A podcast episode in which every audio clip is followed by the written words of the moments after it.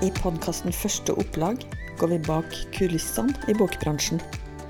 Du vil få møte forfattere, redaktører og andre bransjefolk som deler av sin erfaring med å gi ut, markedsføre og selge bøker. Mitt navn er Kristin Overein, og jeg er gründer av Bowlbooks. Vi hjelper forfattere med å gi ut bok på eget forlag.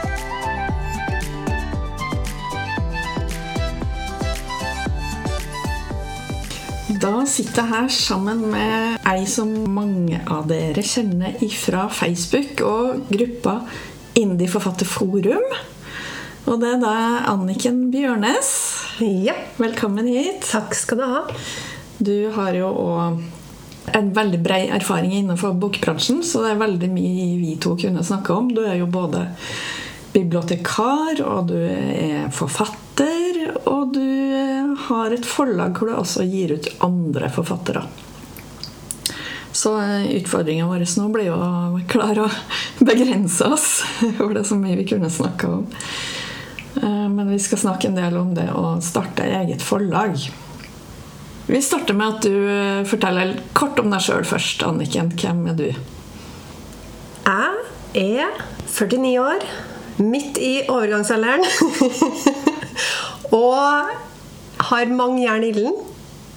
Er mamma til to gutter. Jobber som bibliotekrådgiver.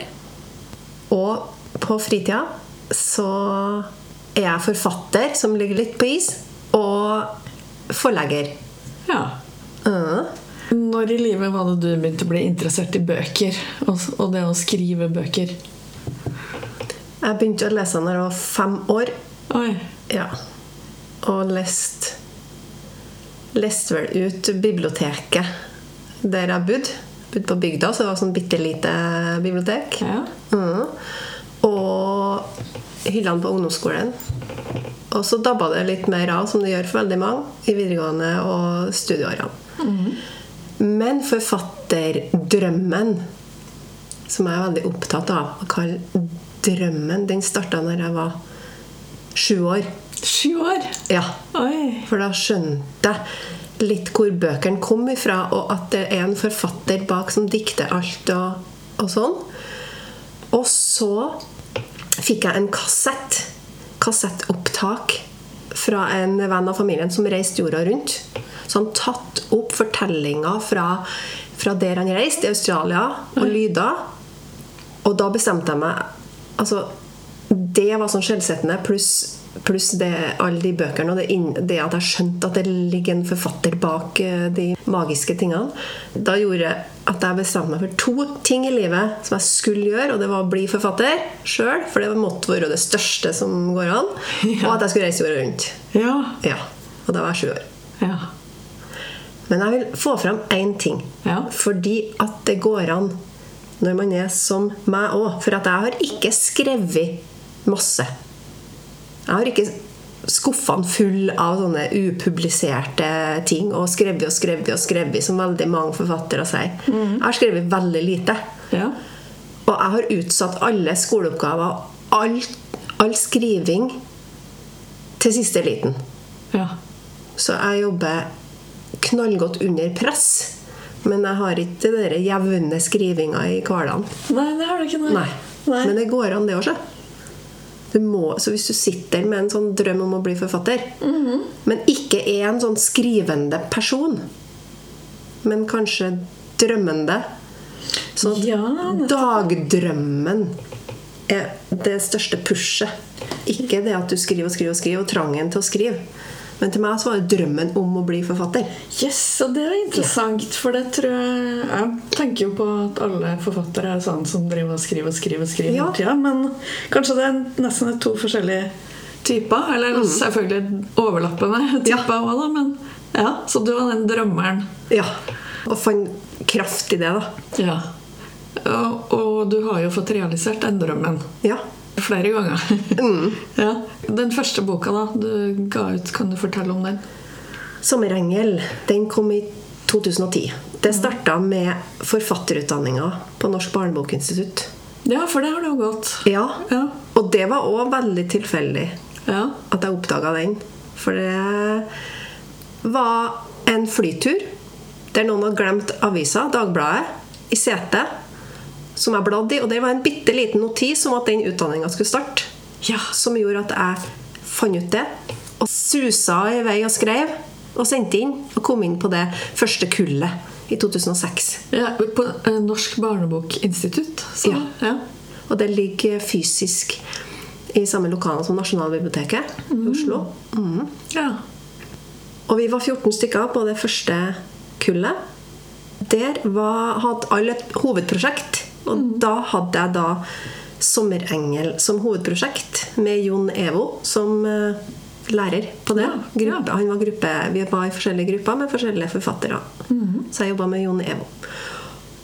Og på det studiet møtte jeg òg Anne Horn, som da var redaktør i Omnipax, som er barne- og ungdomsbokforlaget til Pax forlag. Og jeg fikk så godt inntrykk av hun at jeg tenkte at hun skal jeg jobbe med. Og det er noe med hva du sender ut i, i, oppi eh, Så det er litt sånn at det, det faller ned hvis du bare bestemmer deg for ting. ja. Så etter det studiet Ja. og det har litt med drøm å gjøre. Og litt med Ja. Mm. Og da sendte jeg Jeg sendte faktisk en annen tekst først, som var ferdig. En bildeboktekst. Som hun ikke ville gi ut. Men så sendte jeg òg litt av 'Sommerengel'. Ja. Så hun uh, svarte at hun ville heller lese litt om det. ja, nettopp. Og da sendte jeg det. Så det ble bok. Ja. Og det tok to år fra jeg på en måte var antatt, kan man si. Ja. Eller det var ikke kontrakt ennå. Nei. Nei, men sånn at vi har lyst til å gi ut dette. Men det, tok tok to år, To år, Ni omskrivinger. Oi, ni! Ja. Oi, oi, Og jeg ga opp flere ganger. oi. Ja. Og jeg var forbanna Ja. flere ganger. og tenkte at nå Men jeg holdt ut, og jeg ga ikke opp. Og det ble Det som er Det, det er en ting som jeg syns Det gjorde veldig inntrykk på meg. Fordi at jeg hadde et manus som jeg nå, nå mente at det var ferdig. Ja. Altså nå må det være ferdig. Ja. Så fikk jeg svar at vet du, du har gjort og endra så lite at vi vet ikke om vi kan gå videre med det. Du må gjøre store endringer, som vi har prøvd og sagt. Ja. Og da tenkte jeg vet du, åh, Jeg var så sint. Jeg var så skuffa. Men så bare tok jeg meg i det. Ja, da skal jeg gjøre det de sier, da. Ja. Så gjorde jeg det. Så gjorde jeg de store endringene. Og det var store endringer, altså. Og så skrev jeg om det. Gjorde et mitt. mitt. Og så leste jeg gjennom det på nytt, og da satt jeg og grein, for det var så mye bedre. Oi! Så det grein en, og ja. tekst. Ja. Det er bra. Og de endringene de hadde gjort, da, Ja. som var altså, Hovedsakelig så dreide det seg om at jeg brukte for mange ord. Oh, ja. Og for mye lange Altså sånt som eh, blir litt vanskelig i barne- og ungdomsbøker. Du må cut to the chase. Ja, ja. Så det var Jeg lærte enormt mye på det. Og etter det så skjønte jeg, som jeg også har tatt med meg inn i det med å ha eget forlag, at du må ha folk som virkelig kan det her. Ja. Og spare med og jobbe med. Som klarer å se hva som er unikt i deg, og få fram det som er din stemme, samtidig som du gjør endringer. ja. Mm. For dem, det fins mange folk som kan og vet mye mer. Mm, ikke sant? For det, noen tror jo at eh, det du har skrevet, blir ødelagt hvis det kommer noen inn. Eh, noen annen inn og skal mene ting, men du mener egentlig det motsatte. At Ja. du får frem stemmen din bedre Ja. hvis noen andre hjelper deg å, å få Ja. tak i den. Det er akkurat som å gå til en coach det, Ja. som får deg til å se hva du egentlig skal gjøre i livet. De, de beste redaktørene ser hvem, hvem du er, hva din stemme er, og reindyrke den. Så det er motsatt av det mange er redd for. Hvordan gikk det mm, da du fikk drømmen oppfylt om å bli forfatter? da? Hva skjedde videre da? Jo, altså Det førte jo òg til at jeg fikk utgitt enda en bok på et annet forlag. Bildebok. eh, På Magikon forlag.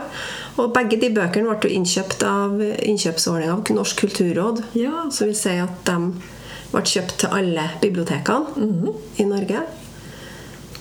Det som var fordelen da Nå er jo det Dere ligger jo sånn ti år Ti og tolv år tilbake i tid. Og da var det fortsatt mye mer mulighet til å bli omtalt i aviser og sånn, og det var, var kanskje øh, mer muligheter med å bli utgitt på etablerte forlag enn det er i dag. Det er veldig mye som har endra seg. Eh, Og med det at de bøkene kom ut på etablert forlag, så ble det omtaler i de store avisene, og det var det ble salg til utlandet. Den ene boka, bildeboka, er solgt til Kina og Sør-Korea. Lever sitt liv der. Kult. Og det har vært forskjellige ting som har skjedd i kjølvannet av det. Men så går jo årene, og det er jo Altså, bøker er ferskvare. Og de dør, som jeg kaller det. For forlagene, altså de store forlagene har jo stadig De har enormt mange utgivelser i året. Så da dør boka, og da tenkte jeg at den, den 'Sommerengel' som jeg ga ut først, den har sånn potensial til å leve av mange, mange år. Så jeg spurte om å få rettighetene tilbake, Ja. Og det fikk du. og det fikk jeg. Ja. Og det var i 2017. Og da tenkte jeg ok, da starter jeg eget forlag, og så gir jeg den ut på nytt. Ja, det gjør Nytt på nytt. Ja, men Som nytt. akkurat samme boka. Akkurat samme boka. Ja. Nytt design. Og som pocket. Ja. Ja. Så det var starten på da du starta eget forlag? Ja. Tenkte du ikke at det var vanskelig å, starte, å ha sitt eget forlag? Eller hva tenkte du rundt det, å skulle starte for deg sjøl? Jo, altså dere Jeg tror dere var i samme um, Samtidig med at Indieforfatterforum dukka opp. Og Ja. du dukka opp! Ja, fordi jeg var jo en av de tre første Eller tre av de tre grunnleggerne av Indie Forfatterforum i sin tid. Jeg tror vi starta det opp i 2015. Da var det eh, Ida Fjellbråten og Daniel Milford og jeg som var de tre admins eh, den gangen. Og du var jo en av de første medlemmene som dukka opp i den gruppa, husker jeg. Ja. Vi var en sånn liten, eksklusiv gjeng i starten på noen og tyve personer, liksom som uh, snakka om det å starte eget forlag. Da. Så det var kanskje der du fikk den inspirasjonen, eller Det var det. Og så kjøpte jeg to bøker som jeg kaller Bibelen, og det var boka di. Ja. Gi ut din egen e-bok. Vet du det? ja. Den er ikke til salgs lenger, men ja, stemmer. Den kom i Ja. 2016. Mm. Og så var det boka Gi ut på eget forlag Mm. Bjørn Bye. Mm. Så leste jeg dem, og så bare gjorde jeg det. Så gjorde du det. Ja. Var det vanskeligere eller lettere enn du trodde? Det var Jeg tenkte vel ikke da at det var så vanskelig. Nei. Så jeg forventa ikke at det skulle være vanskelig. Nei. Men det var Altså, det er enkelt Ja. å starte eget forlag. Det er et, alt som er rundt det, som er tidkrevende, og som er vanskelig å sette seg inn i. Men sjølve å starte et enkeltpersonsforetak og starte et registrere et forlag, det er jo noe som alle kan få til. Mm. Og det koster ingenting. ja. Så, so, so, so far, so good. So far, so good. Men alt, eh, alt, så det er gratis enkelt å starte eget forlag, men det er en del i rundt det som, eh, som man kanskje ikke vet om når man starter, eller som man lærer litt sånn mens veien Ja. blir til. Ja. Ja. Og det har jo den gruppa på Facebook vært altså gull. ja, For å det, finne ut og dele erfaringer og hjelpe hverandre. Og... det er alltid noen som har kommet lenger. Det er mitt inntrykk òg at det er en veldig sånn raus gjeng og veldig flink til å dele kunnskap og hjelpe hverandre. Og nå er det jo en stund jeg, jeg slutta som admin der, og du har jo blitt admin etter hvert. Og nå er det jo Hvor mange medlemmer er det nå, da? Nå er det over 1500. Ja, det er kult, da. Ja. Og det er veldig, det er en veldig aktiv gruppe. Ja. Altså det er flere, flere innlegg per dag og døgnet rundt noen ganger. ja. Hva er det folk lurer på i den gruppa, da?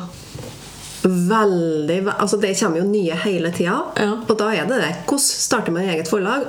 Og Ja. veldig veldig mange tror at det er veldig vanskelig og veldig komplisert. Ja. Og det er det jo ikke. Nei. Så da får de jo hjelp til det med en gang. Mm. Nå, for at når jeg starta Jeg har jo lest noen av mine gamle innlegg fra starten. Og det er akkurat de samme spørsmålene som òg kommer nå. Men nå er jeg blant dem som svarer og hjelper. sant? Ja. Ja. ja. Så det Så all, det er alltid noen som har kommet lenger og kortere. Og, ja. Jeg ser jo du bruker jo veldig mye av fritida di på å sitte og hjelpe andre og svare. Så det er jo en sånn gratis mentor inni gruppa der, egentlig. På mange Ja. måter. Men så lærer jeg mye på det òg, da. Ja, det er Ja. klart. Det går be- begge veiene, ja. Uh. Eh, Hva andre ting det folk lurer på da, enn å starte forlag? Jo, da er det som jeg nevnte, det som er litt sånn om og men rundt det. Og det er sånn skatt og Ja. moms Ja. og um, det med kjøp av tjenester. Altså hva må til for å få til bok? Og så er det innkjøpsordninger. Hva gjør man der? Og så det som Det aller største spørsmålet er markedsføring. Og hvordan skal du nå ut? ja. Ja. Du har, du har boka di, du har babyen din. Du har kommet så langt. ja. Og så veien videre. Nå bare prøv å sette meg inn i hodet på en som nettopp har kommet inn i den gruppa. da. Ja. Eh, hvis den får ordene skatt og moms slengt i fleisen og er en sånn kreativ person, så tenker jeg at den kanskje vil miste litt motet. Så Ja. Må jeg tenke på det her, liksom? ja. Må man det? Du må ikke det før du har passert 50 000 i inntekt på et år. Ok. Ja. Så det, det er ikke det første man tør å begynne å Nei. bruke tid på å sette seg inn i det? Nei. Nei. Hva er det første man må tenke på, da? Um, aller først er skal du gi ut boka sjøl, eller skal du prøve å gi ut på etablert forlag? Ja. Eller skal du gå inn i en sånn eh, hybridløsning der du spleiser med et såkalt forlag, eller ja. Spleiser med et forlag? Å ja. Ja, du, du deler eh, utgiftene. ja det, for det går òg an.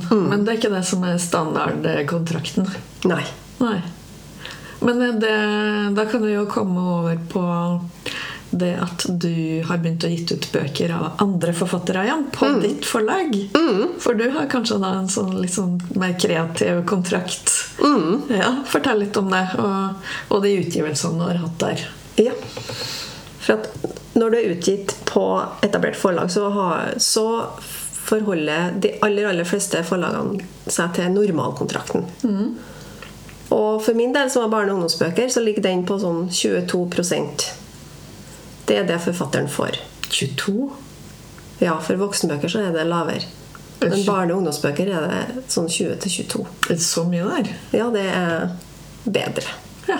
Mhm. ja.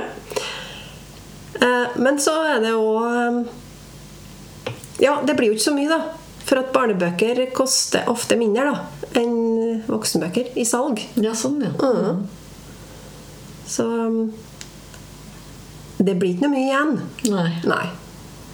Uansett hvor du snur og vender på det, så blir ikke mm. noe mye igjen til forfatteren. Nei. Um, men poenget her, det var jo med eget forlag. Når du skal gi ut for andre. Ja. Så du kan jo velge å forholde deg til normalkontrakten.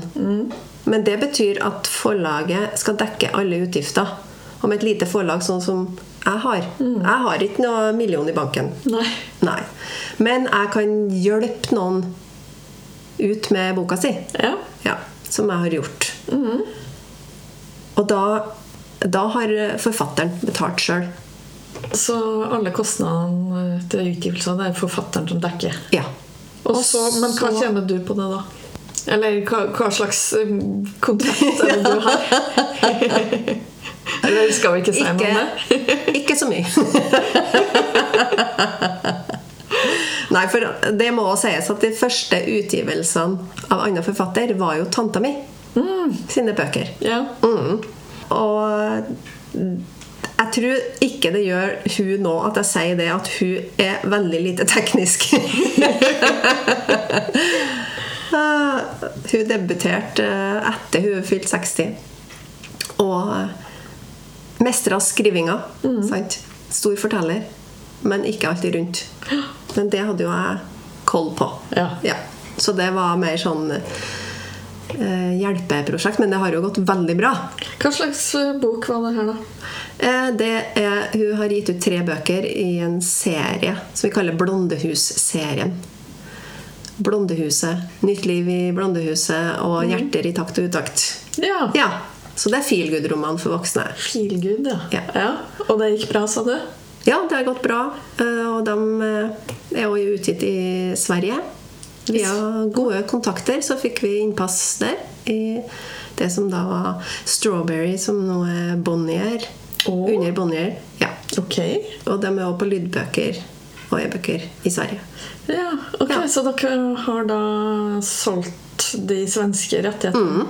til Strawberry, eller som nå er Bonnier? Ja. Ja. ja, kult. Så de to første bøkene er ut der. Mm. Og så solgte vi lydbokrettighetene til, til Cappelen Dam og Storytel Ja, i Norge. Ja. nettopp. Så det lever sitt liv. Ja. Ja, Så nå holder jeg på å skrive bok nummer fire. Men vi får se om Det er ikke sikkert at jeg skal gi ut den. Nei. Nei, nei. Nei. Men tenk deg å klare å lykkes så bra, da. Ja, med internasjonalt rettighetssalg og ja. Mm. Det er veldig godt jobba. Og så har du gitt ut flere bøker på det forlaget ditt òg. Ja, nå er det en eh, helt fersk utgivelse i år som er barnebok, fantasyroman, av Siv Kristiansen. Ja. Ja. Og hun ble jeg kjent med gjennom NBI og den forfatterutdanninga, for hun tok samme utdanninga der etter meg. Ja. ja, så begge er gått der, ja. Ja. ja. Og møttes dere inne? Og hun hadde òg Jon Evo som ah. hovedkonsulent Ja, på sitt hovedprosjekt. Som var Halvhodingene. Så akkurat samme som til meg. Så 'Halvhodingene' er den boka som du har gitt ut på ditt forlag? Ja. Og det, hun har jobba med den i over 16 år. Nei, 16 år! Ja, Og hun har hatt flere runder med, med redaktører. Jaha. Og hun starta med redaktører Jeg mener de første rundene var via Bullbooks. Mm. Og så har hun vært via et annet, en annen redaktør. Mm. Og så ville hun vel helst gi ut den sjøl i stedet for på et etablert forlag. For å eie rettighetene og alt sjøl. Ja. Og så kalkulerte vi det sammen at uh, jeg kan gi ut den, for jeg hadde jo allerede et forlag som passa til den utgivelsen. ja. Så da har jeg vært siste redaktør og redigerer i lag med Siv. Så det ble et samarbeidsprosjekt, på en måte? da Ja. Og da har dere òg sånn at uh... Og der er det kjørt altså innkjøpte tjenester Ja. i alle ledd. Mm. Og det Ja. Det har kosta. ja, det vil jeg tro. Ja, men vi er av samme oppfatning. Vi er av den, den gjengen som virkelig vil ha Altså satse på kvalitet, da. Og det betyr ikke at vi har penger i banken eller i skuffa. Altså det Mye har gått på kreditt. Ja. ja. Så det er om man velger å ta den sjansen. ja ta det litt så at man får det tilbake. Jeg vil ikke anbefale. Nei. Nei, det er jo ikke gitt at man får tilbake det Nei. i andre enden, selvfølgelig. Men har dere det, da? Ja. Ja. Og um, jeg er helt overbevist om at uh, lykken kommer hvis du satser. Og kaste noen tanker opp i lufta om at dette skal lykkes. Tilbake på den drømme... ja. Uh. Så, så betyr det at salget har gått bra, eller? Av halvhodingene? Ja, vi har, eh, vi har avventa uh, innkjøpsordninga. Ja. Har vi søkt den inn der? På innkjøpsordninga. Norsk kulturråd. Og fikk eh, svar i forgårs om at den er innkjøpt. Oi, i forgårs! Ja. Den er innkjøpt! Ja. Åh, Så ja. da måtte vi bare kaste oss rundt og bestille uh, trykking av uh, 1700 eksemplarer. Som skal ut til alle landets biblioteker. Ja, for så mange er det faktisk når det er barne- og ungdomsbok. Ja. ungdomsbok. Det er det. Ja, så kult, da. Herlighet. Gratulerer. Takk. Da, da får dere jo dekt eh, alle kostnadene over, så det Ja. ja. Ja. Og uten det så hadde det fort kunne ha blitt et eh, minusprosjekt. ja. Det, så det er litt sånn sjanser du må ta, da. Men denne boka kan jo generere mye salgsinntekter, siden det vet dere ikke ennå. Ja, for vi har ikke, ikke kjørt noe på markedsføring før, eh, før nå. Så det blir veldig spennende å se den effekten det har å bli innkjøpt. Ja, det blir spennende. For da kan man jo slå i bordet med det overfor bokhandlere. Og, mm, det er jo et sånn kvalitetsstempel. Absolutt. absolutt, Det er det jo. Eh, Og da er vi over på markedsføringen, som du nevnte i stad også. er en veldig stor del av det å skulle gi ut Ja. en bok på et forlag. Kan du si litt om det? Dine tanker rundt det? Hva er det lurt å gjøre, hva er det ikke lurt å gjøre? Er det liksom en sånn mal som man bør følge, eller er det forskjellig fra bok til bok? Eller? Veldig forskjellig.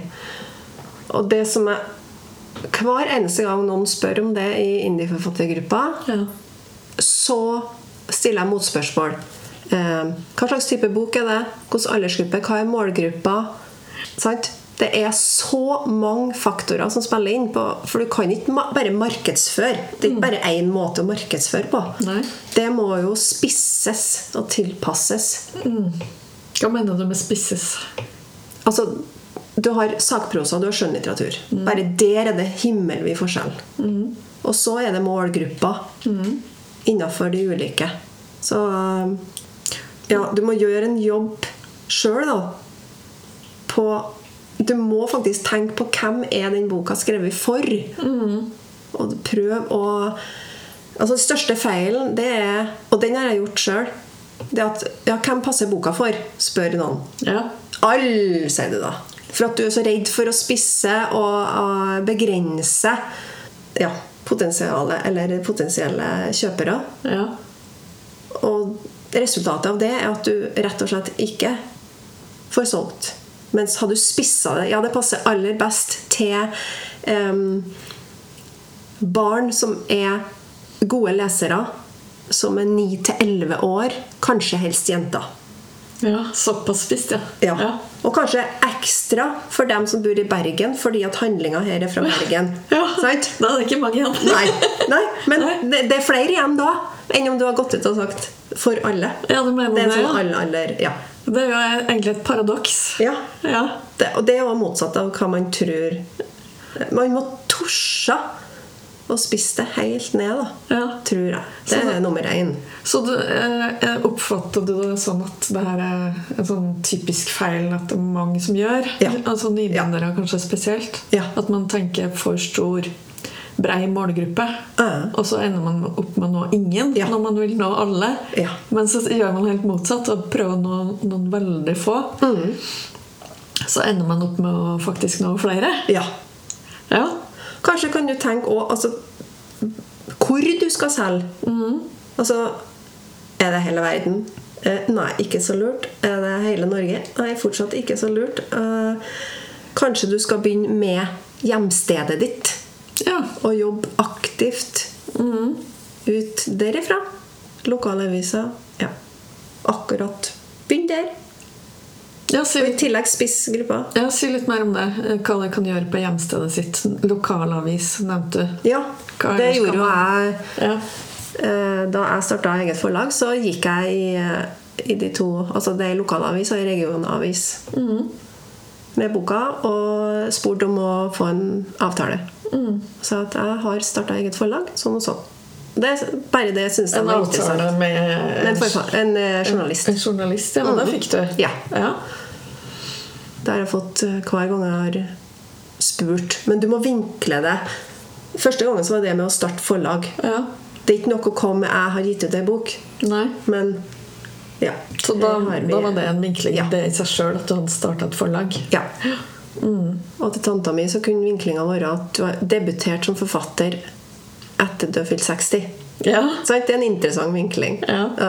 Så du må finne en sånn annen inngang, da. ja. Hvis du i hele tatt skal ha noe håp om noe spalteplass.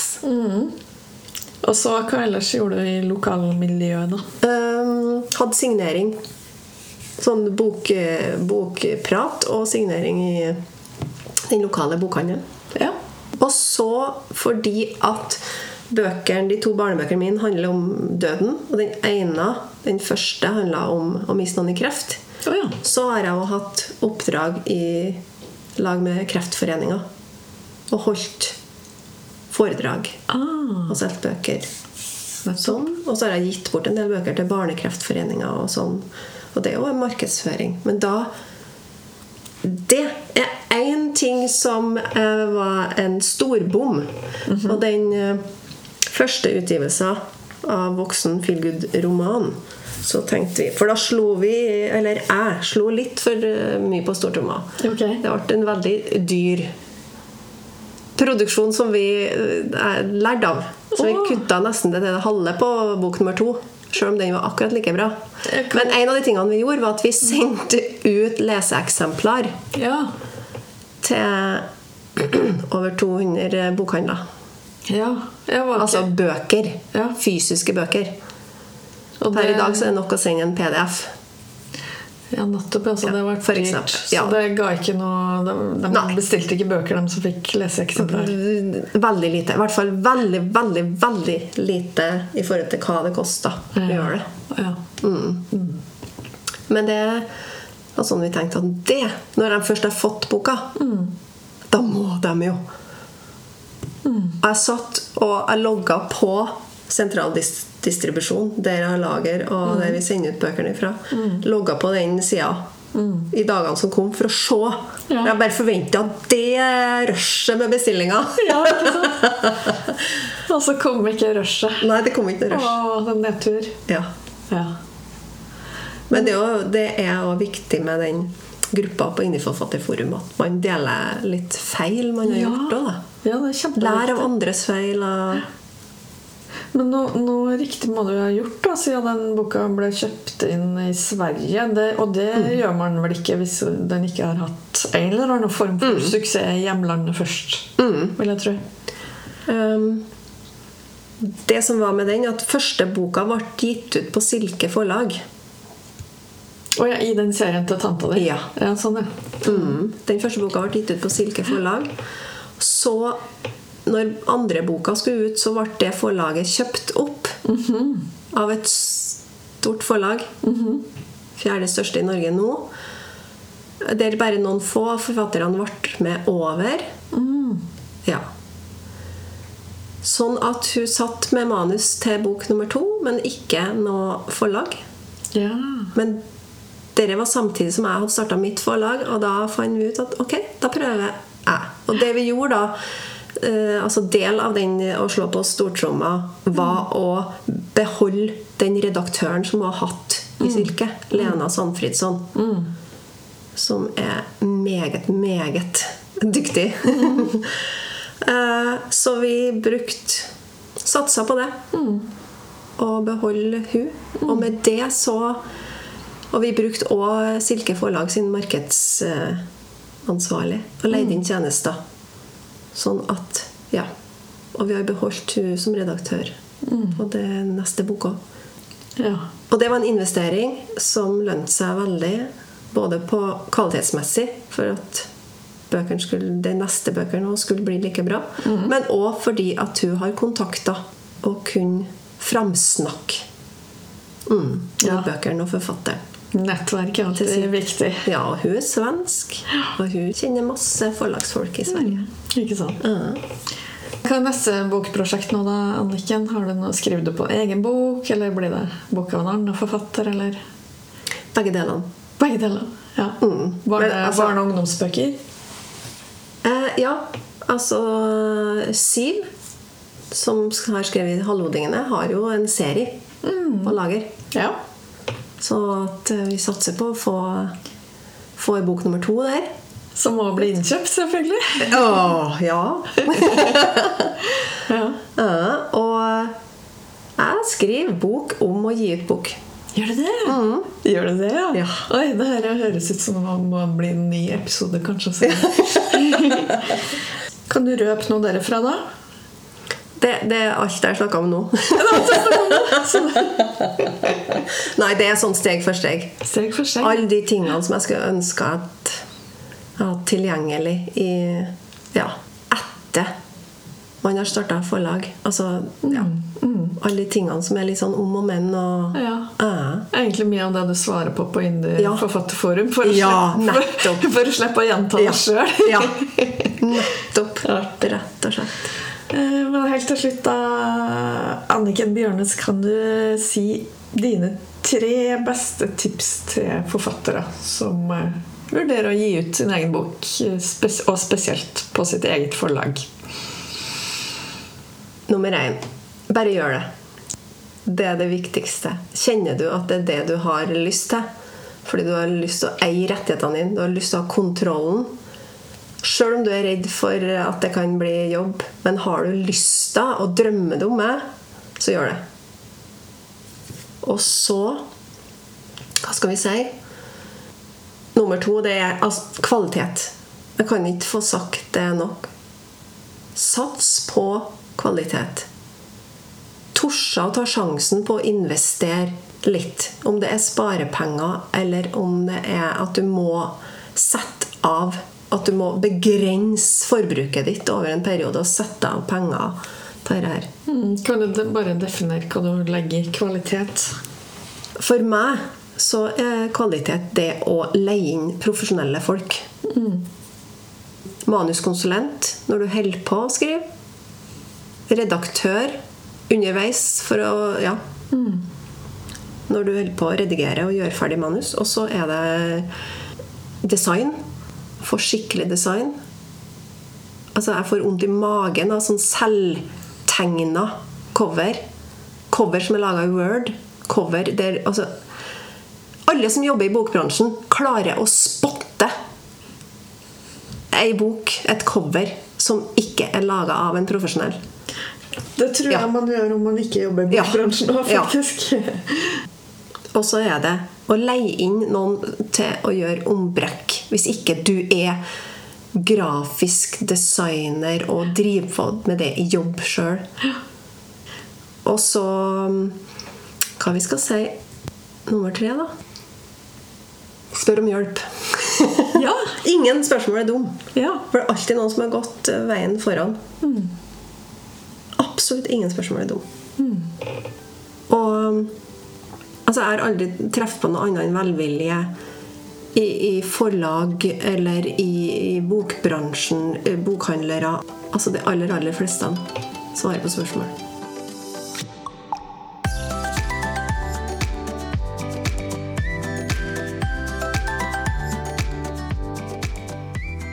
Du har hørt en episode av Første opplag, en podkast produsert av Boldbooks. På boldbooks.com kan forfattere få direkte tilgang til eksperter i alle deler av bokprosjektet. Alt fra redaktør og korrektur til bokdesign og trykking. Forfatteren investerer i kvalitet og beholder full kontroll på alle rettigheter og inntekter av sin egen bok.